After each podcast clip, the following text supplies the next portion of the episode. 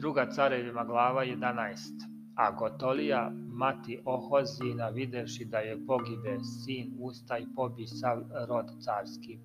Ali Josaveja, kći cara Jorama, sestra Ohozina, uze Joasa, sina Ohozinog, i ukrade ga između sinova carevih koje ubijahu i s dojkinjom njegovom sakri ga od Gotolije u ložnicu te ne pogibe i bi sakriven s njom u domu gospodnjem šest godina, a Gotolija caravaše u zemlji.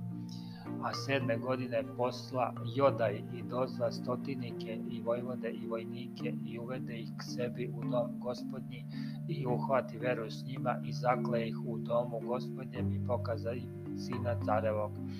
I zapovedi govoreći ovo učinite vas trećina koji dolazite u subotu neka čuvaju stražu u dvoru carskom, a trećina neka bude na vratima surskim, a trećina na vratima koja su iza vojnika i čuvajte dom od sile.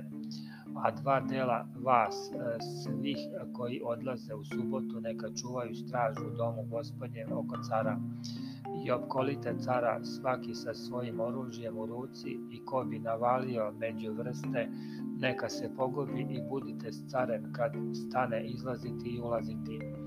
I stotinici učiniše sve što kako zapovedi Joda i sveštenik i uzeše svaki svoje ljude koji dolažahu u subotu s onima koji odlažahu u subotu i dođoše k svešteniku Jodaju. I sveštenik dade stotinicima kopna i štitove cara Davida što behu u domu gospodnjem. I vojnici stadoše svaki sa svojim oružjem u ruci od desne strane doma do leve strane doma prema oltaru i prema domu oko cara. Tada izvede sina carevog i metnu mu venac na glavu i dade mu svedočanstvo i postaviše ga carem i pomazaše ga i pljeskajući rukama govorahu da živi car. A kad Gotolija ču viku e, naroda koji se stecaše dođe k narodu u dom gospodnji i pogleda i gle car stajaše kod stupa po običaju i knezovi trube oko cara i sav narod iz zemlje radovaše se i trube trubljahu. Tada Gotolija razje haljine svoje i povika buna, buna, a sveštenik Joda zapovedi stotinicima koji behu nad Vojvodom i reče izvedite je iz vrsta napolje i ko pođe za njom, pogubite ga mačem, jer reče sveštenik da ne pogine u domu gospodnje. I načiniše joj mesto i kad dođe na put kojim se ide u dom carski konjskim vratima, onde je ubiše. Tada Jodaj učini savet između gospoda i cara i naroda da će biti narod gospodnji takođe i između cara i naroda.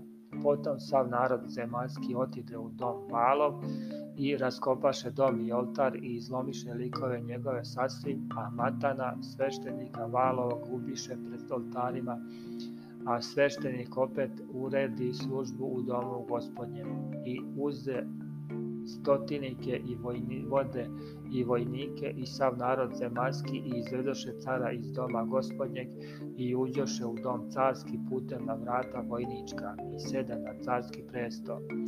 I radovaše se sav narod zemaljski i grad se umiri pošto Gotoliju ubiše mačem kod carskog doma. Joasu beše sedam godina kad se zacari.